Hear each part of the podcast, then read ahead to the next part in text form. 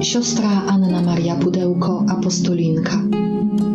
Sercem słuchająca. Komentarz do niedzielnej liturgii słowa.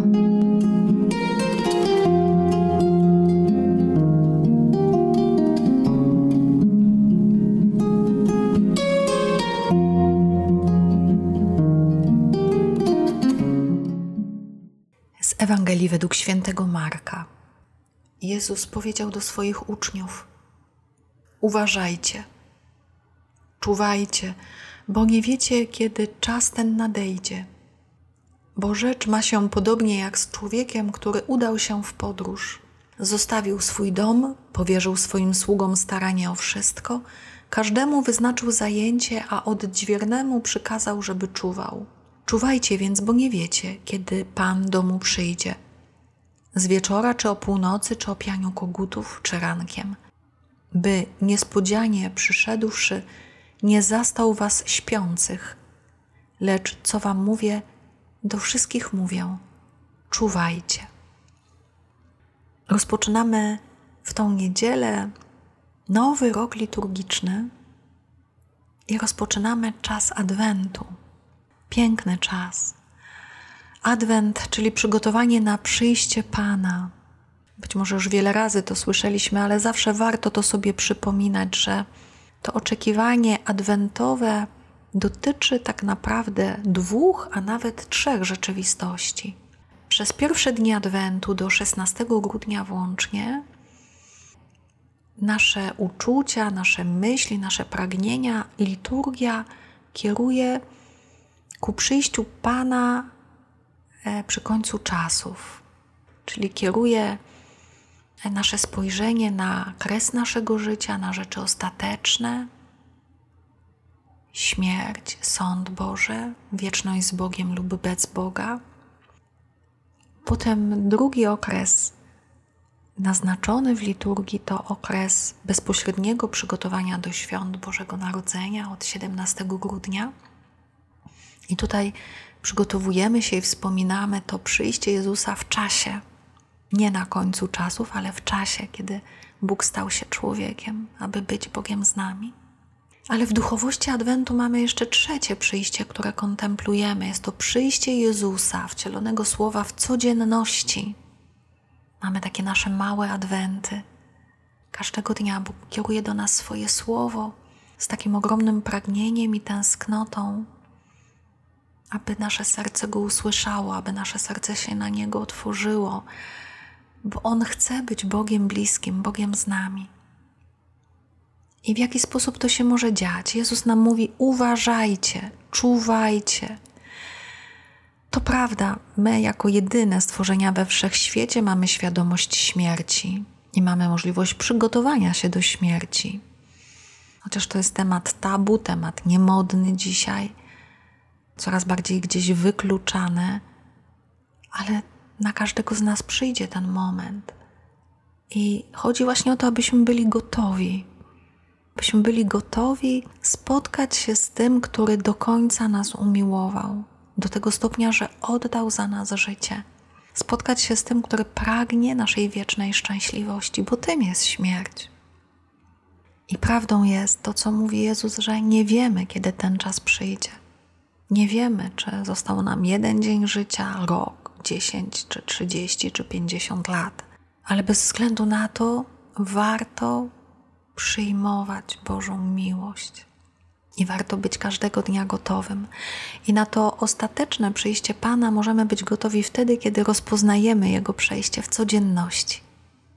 Kiedy zauważamy, jak Bóg poprzez swoje słowo, poprzez sakramenty, poprzez drugiego człowieka, poprzez wydarzenia przychodzi do nas, opowiada nam swoją miłość i troszczy się bardzo konkretnie. Właśnie do tego jest nam potrzebna uważność i czuwanie. Tutaj nie chodzi o to, żebyśmy drżeli i mdleli ze strachu, e, abyśmy mieli myśli katastroficzne i takie pełne przerażenia. Tu chodzi o to, abyśmy mieli myśli pełne nadziei, pełne tęsknoty, oczekiwania. Mój Pan pragnie opowiadać mi swoją miłość do mnie. Czy pośród tego codziennego zabiegania jestem w stanie usłyszeć Go, rozradować się tą miłością i dzielić się nią z innymi. O tej tęsknocie, o tym pragnieniu, o tej otwartości na Boga mówi nam także pierwsze czytanie, zaczerpnięte z księgi proroka Izajasza.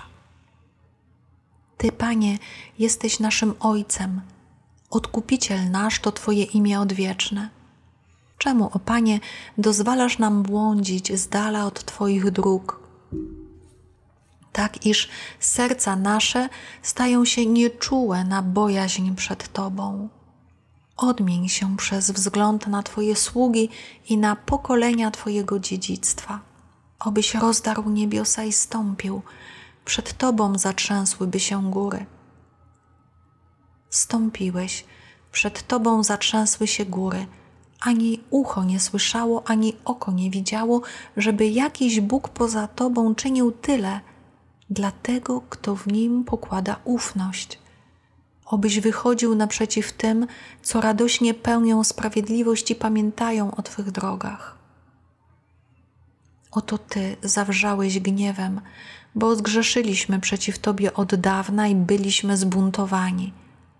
My wszyscy byliśmy skalani, a wszystkie nasze dobre czyny jak skrwawiona szmata. My wszyscy opadliśmy, zwiędli jak liście, a nasze winy poniosły nas jak wicher.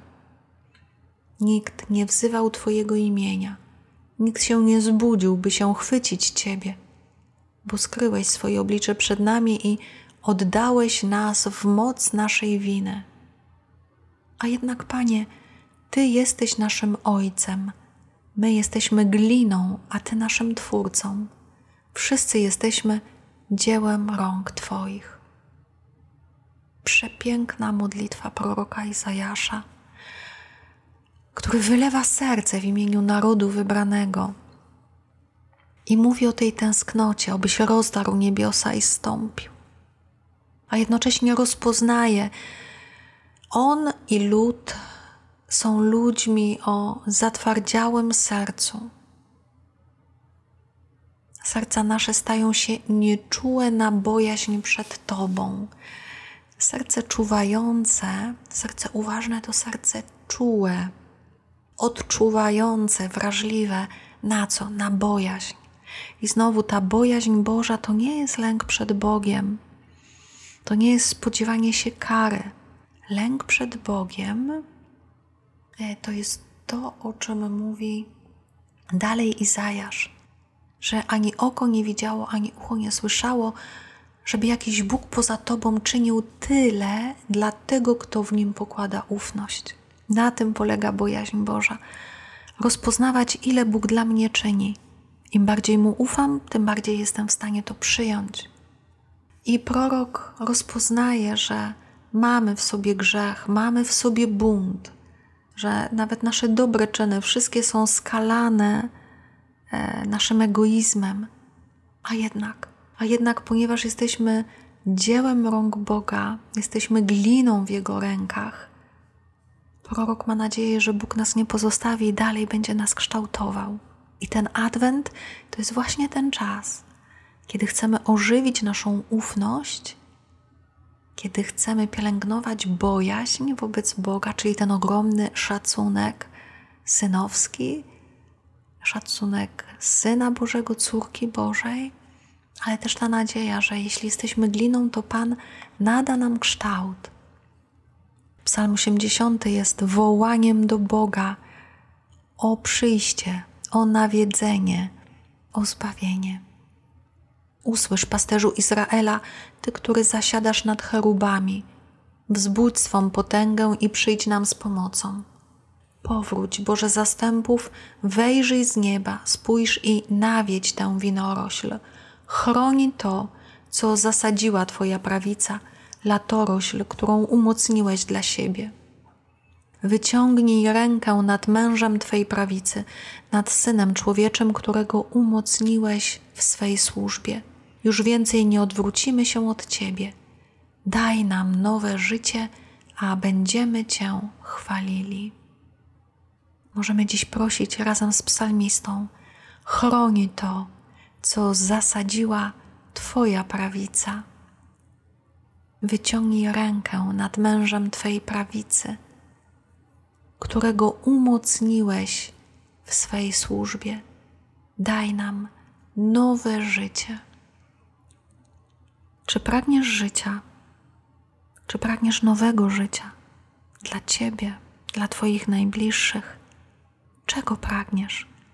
Opowiedz o tym dzisiaj przychodzącemu Jezusowi. O tym oczekiwaniu pełnym nadziei mówi nam także święty Paweł w drugim czytaniu zaczerpniętym z pierwszego listu do Koryntian. Bracia, łaska wam i pokój od Boga, Ojca naszego i od Pana Jezusa Chrystusa. Bogu mojemu dziękuję wciąż za was, za łaskę daną nam w Chrystusie Jezusie. W Nim to bowiem zostaliście wzbogaceni we wszystko, we wszelkie słowo i wszelkie poznanie, bo świadectwo Chrystusowe utrwaliło się w nas. Nie doznajecie tedy braku żadnej łaski, oczekując objawienia się Pana naszego Jezusa Chrystusa. On też będzie umacniał Was aż do końca, abyście byli bez zarzutu w dzień Pana naszego Jezusa Chrystusa. Wierny jest Bóg, który powołał nas do współuczestnictwa z Synem swoim, Jezusem Chrystusem, Panem naszym. Wydaje się, że święty Paweł chce nas zapewnić i utwierdzić w tym, że wszystko, co jest nam potrzebne do zbawienia, już otrzymaliśmy. W nim to bowiem zostaliście wzbogaceni we wszystko, we wszelkie słowo. To słowo, które czytamy w Piśmie Świętym, to słowo, które jest nam głoszone z ambony, to słowo, które Duch Święty szepcze w głębinach naszych serc i wszelkie poznanie. Są właśnie te momenty, kiedy Duch Święty pomaga nam jeszcze bardziej poznać i pokochać Jezusa i Ojca, bo świadectwo Chrystusowe utrwaliło się w nas. Nie wystarczy poznawać Jezusa. Chodzi też o to, żeby Jego miłość zakorzeniła się w nas, utrwaliła się w nas, uwewnętrzniła się w nas. I to właśnie czyni w nas Duch Święty. Więc nie mamy żadnego braku łaski, chyba że sami ją ignorujemy. I Paweł zapewnia nas, że Jezus będzie nas umacniał aż do końca i że Bóg jest wierny, bo On pragnie nas zaprosić do współuczestnictwa w chwale, w obietnicach, e, w dziedzictwie, jakie czeka na nas w życiu wiecznym, wieczności, w niebie. Niechaj więc ta nadzieja nam towarzyszy, że Bóg pragnie hojnie nas obdarować w czasie tego adwentu, ale potrzeba uważności, potrzeba ciszy, potrzeba milczenia, potrzeba czuwania, aby usłyszeć, co Bóg chce nam dać i aby to utrwaliło się w nas w tym czasie wielkiego oczekiwania.